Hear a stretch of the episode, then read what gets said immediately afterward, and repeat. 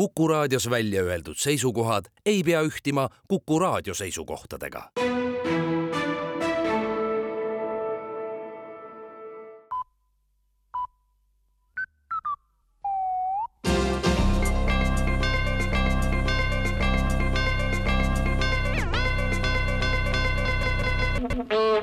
uudised on eetris ja stuudios Rohke Develak tänasest saavad ettevõtted ja eraisikud saata Majandusministeeriumile võlakirju, milles on ära toodud, kui palju üks või teine ettevõte või eraisik ühele või teisele ettevõttele või eraisikule võlgu on. Nende võlakirjade vastu annab Majandusministeerium talonge, millede eest saab asutus või ettevõte osta kaupu või teenuseid, nii nagu ka raha eest. uuringud näitavad, et Eestis on tekkimas ringvõlgnevus, mis tähendab, et kui ühele ettevõttele näiteks jäädakse võlgu, siis tekivad ka sellel ettevõttel omakorda võlgnevused teiste ees ja nii edasi, kuni ring saab täis ja lõpuks on kõik kõigile võlgu majandust halvava ringvõlgnevuse ärahoidmiseks on tarvilik võtta võlgnevused ise maksevahendina kasutusele, teatab Majandusministeerium, mis reorganiseeritakse peatselt võlgnevusministeeriumiks. võlgade kasutamine maksevahendina toob kaasa paari aasta jooksul olukorra, kus raha kui sellise kasutamine lõpeb üldse ja arveldamine toimub nii riigi kui üksikisiku tasandil ainult võlgnevustes valitsus aga andis eile välja määruse reaalse olukorra lõpetamiseks riigis. pikki kuid on valitsus teinud sihikindlat tööd selles suunas, et nii kaugele jõuda.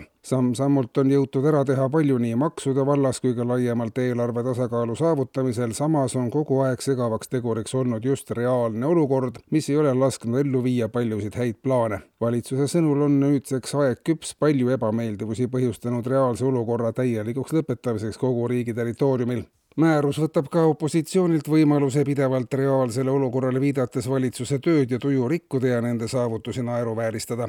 määruse kohaselt muutub ebareaalne olukord reaalseks ja seni reaalsena tundunud olukord ebareaalseks ja sellisena seda ka käsitletakse. valitsus loodab, et opositsioon ja ajakirjandus tegelevad ka tulevikus vaid reaalsete probleemidega, mitte ei kurrutaks, kui ebareaalne kõik see on, mida valitsus teeb Tallinna linnavalitsus andis aga volikogule menetlemiseks uue maksumääruse, millega kehtestatakse linnas peatselt kukkumismaks. olenevalt inimese kehakaalust tekitab tema kukkumine alati kas suuremaid või väiksemaid kahjustusi kõnniteedele ja ülekäiguradadele. inimese kukkumisest tekkinud kahju ei paista kohe silma, ent kui läheb korraks sulaks ja uuesti külmetab, siis kukkujaid on palju ja tõelist kahju näeme alles kevadel, leiab Kommunaalamet üks kukkumine hakkab maksma kümme kuni kakskümmend eurot, olenevalt sellest, kas kukkuja kukkus istukile, siis on kukkumine pehmem ja kahju väiksem, kuni selleni kukutakse kõvematele kehapiirkondadele nagu laup või lõug. kukkujaid hakkab üles kirjutama mupo, kasutades selleks ära linna katvat kaameravõrgustikku. kukkumistasu on lubatud küsida ka asutustel, kelle põrandatele samuti sagedasti kukutakse ja seni on kahjud korvama pidanud ettevõtted oma vahenditest pool asutuste küsitud kukkumistasust küsib linn endale, arvestuslikult kukub linna eelarvesse selle talve jooksul veel mitu miljonit eurot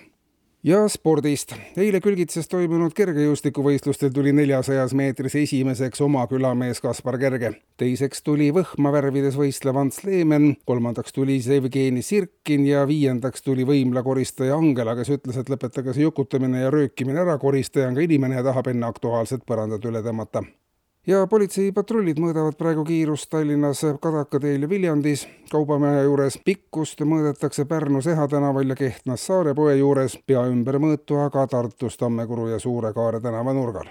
eetris olid uudised